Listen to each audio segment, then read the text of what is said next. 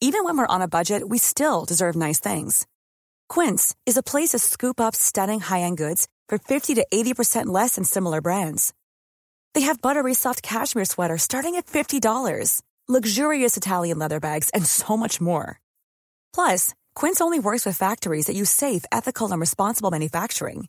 Get the high-end goods you'll love without the high price tag with Quince. Go to quince.com/style for free shipping and 365-day returns. Ever catch yourself eating the same flavorless dinner three days in a row? Dreaming of something better? Well, HelloFresh is your guilt-free dream come true, baby. It's me, Kiki Palmer. Let's wake up those taste buds with hot, juicy pecan-crusted chicken or garlic butter shrimp scampi. Mm. Hello Fresh. Stop dreaming of all the delicious possibilities and dig in at HelloFresh.com. Let's get this dinner party started. I'm Sandra, and I'm just the professional your small business was looking for. But you didn't hire me because you didn't use LinkedIn jobs. LinkedIn has professionals you can't find anywhere else, including those who aren't actively looking for a new job but might be open to the perfect role, like me. In a given month, over 70% of LinkedIn users don't visit other leading job sites. So if you're not looking on LinkedIn, you'll miss out on great candidates like Sandra. Start hiring professionals like a professional. Post your free job on linkedin.com/achieve today. Välkommen! Kom ihåg att alla avsnitt finns att lyssna på direkt via podplay.se eller i appen. Nu kör vi! Sömnparalys är ett tillstånd där en person är oförmögen att röra sig eller att tala. Det här kan ske när man håller på att vakna eller när man håller på att somna. När man sover så stänger kroppen av dina viljestyrda muskler så att du inte ska leva ut dina drömmar i verkligheten. Kroppen är tillfälligt förlamad.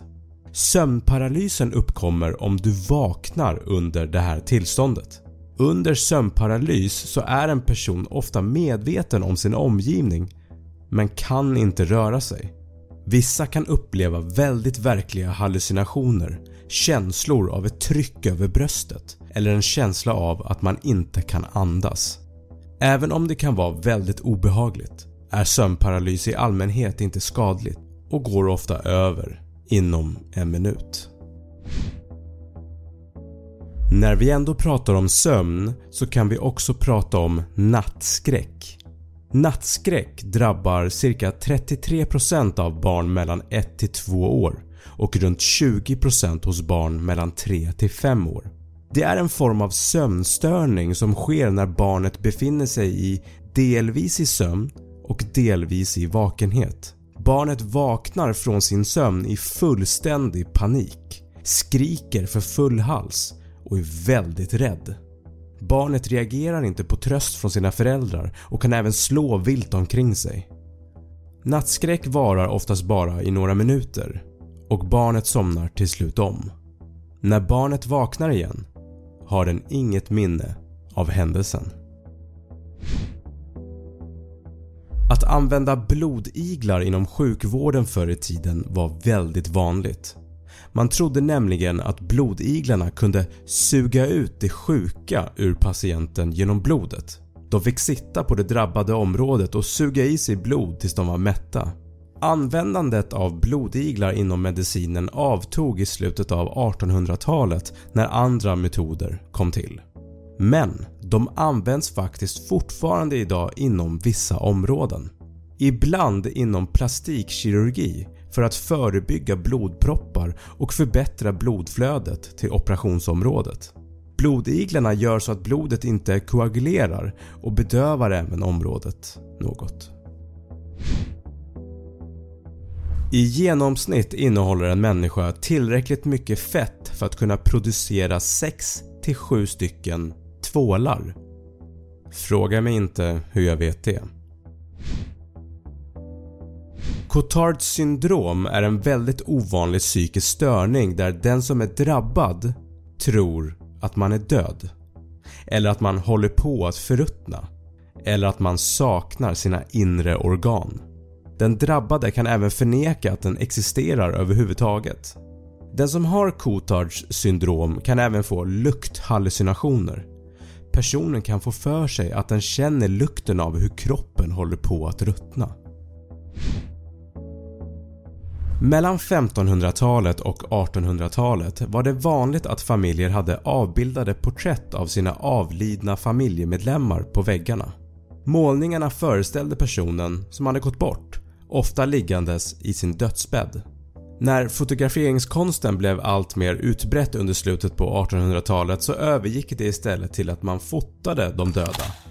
Ett så kallat postmortem fotografi. Postmortem är latin och betyder “efter döden”. Husdammskvalster eller sängkvalster som de också kallas är en grupp av spindeldjur som finns över hela jorden. De saknar lungor och andas genom sin hud och är runt 0,1 till 0,3 mm i genomsnitt.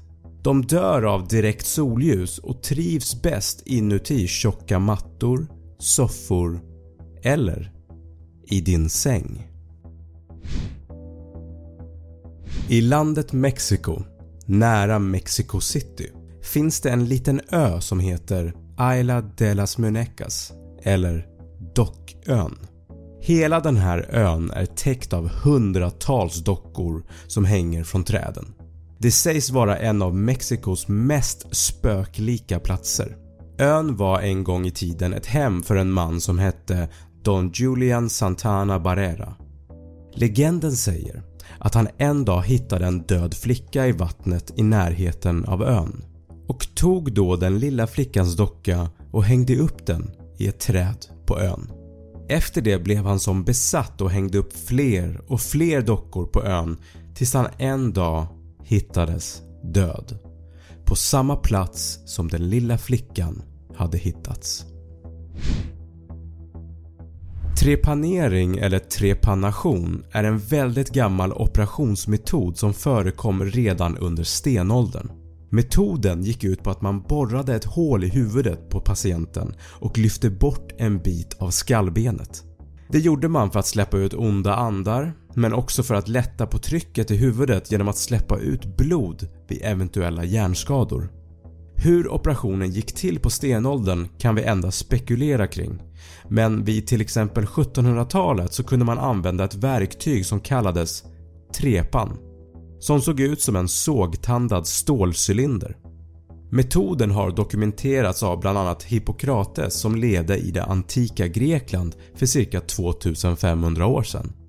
I Sverige har man hittat trepanerade skallar från äldre järnåldern och i Danmark har man hittat trepanerade skallar som tros ha utförts under stenåldern. Under medeltiden var det vanligt i Europa och mellanöstern att man använde något som kallades för mumiepulver som man trodde hade positiva medicinska egenskaper. Pulvret tillverkades genom att man malde ner gamla egyptiska mumier till ett fint pulver och sen la man till andra ingredienser som olika typer av kryddor och örter. Pulvret användes för bland annat huvudvärk, tandvärk och matsmältningen. Men det byggde ju såklart inte på några vetenskapliga belägg utan man såg det som någon form av övernaturlig medicin. Användandet av mumiepulver var väldigt oetiskt och tyvärr ledde det här till att en massa gamla egyptiska gravar förstördes. Det var 10 skrämmande fakta del 4. Och som alltid, tack för att du har tittat. Glöm inte att prenumerera på min YouTube-kanal Snabbfakta och följ mig gärna på Instagram där jag heter snabb.fakta. Är det någonting ni undrar så kan ni alltid slänga iväg ett mail till snabbfakta1 gmail.com.